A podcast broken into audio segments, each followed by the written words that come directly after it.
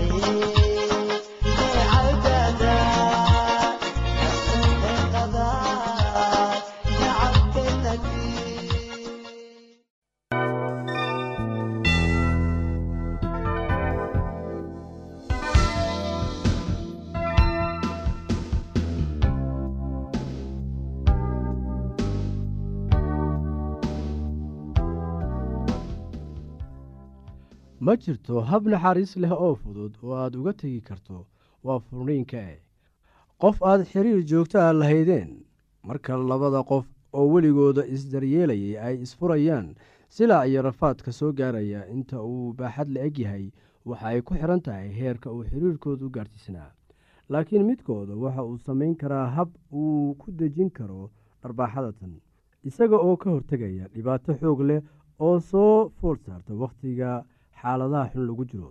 Weliga haddii aanay ku soo marin waayo aragnimada furniinka waxaa hubaal ah inay ku soo mari doonto maalin uun sidee baad haddaba u xamili doontaa marka qof aad jeclayd oo aad si wanaagsan u dhaqaalaynaysay kuu sheego inuusan mar dambe doonayn xiriirka aad wada leedihiin ee jacaylka ah.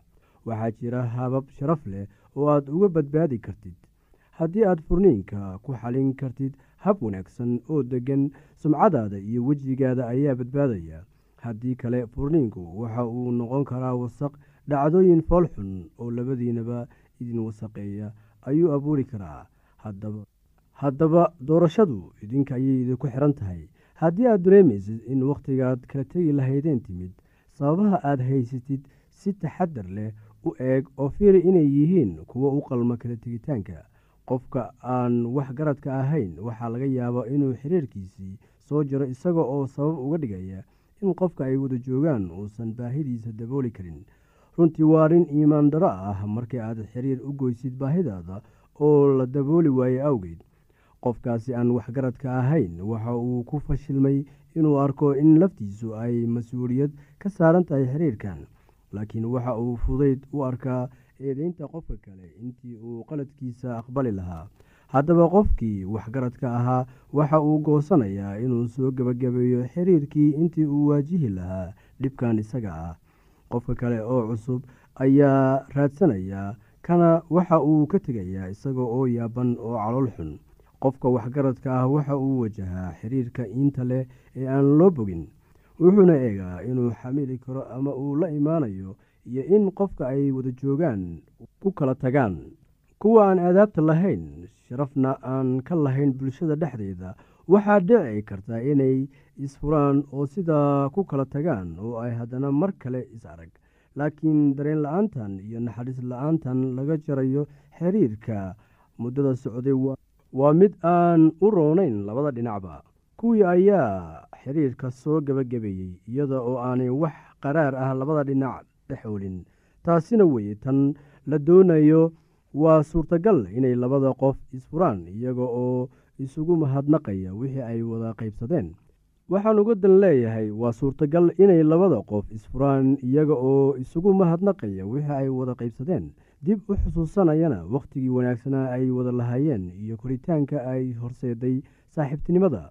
Haddii uu shaki kaga jiro inaad soo gabagabayso xiriirka waxa aad talo iyo tusaale u raadsataa qofka aad ku kalsoon tahay oo aad ku dambaysid. Taasi waxaan uga dan leeyahay qofka aad ku kalsoon tahay oo aad ka dambaysid. Markii aynu xanaaqsannahay oo aynu kacsannahay wax ayaynu odhannaa oo samaynaa. Waxaas oo aynu hadhow ka sahlanayno kuwa kale. Kuwa badan oo isfuray iyaga oo xanaaqsan oo murmaya ayaa markii dambe ka shalayay iyaga oo leh ma ficinayn inaan samayno sidaa qof aad aaminsan tahay oo aad ku kalsoon tahay la socodsii xaaladda. Si qoto dheer ugu sharax waxaa jira oo dhan. Tan iyada ah waxay kugu caawinaysaa in maskaxdaada nafisto oo aad qofka kale ku caawiso inuu isgarwaaqsado.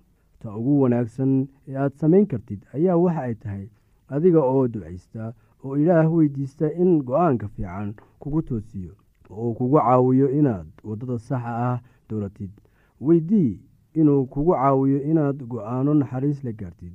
Sidoo kale u ducee qofka aad kala tegaysaan si uusan ula kulmin silac xagga dareenka iyo xagga ruuxa jirka. Soo gebagabee xiriirka isla markii aad go'aankan gaartaba intii aad horkici lahayd qofka kale. Qaad tallaabo aad ku soo jaraysid xiriirka kadib markii uu shakiga caqligalka kugu dhaco. Ha iska dhigin mid daryeelaya qofka aad ka xiiso qabtay haddii aad qabto wax su'aalaha fadlan inala soo xiriir. Ciwaankeenna waa radio somaly at yahu t com. Mar labaad ciwaankeenna waa radio somaly at yahu dt com. Barnaamijyadeena maanta waa naga intaas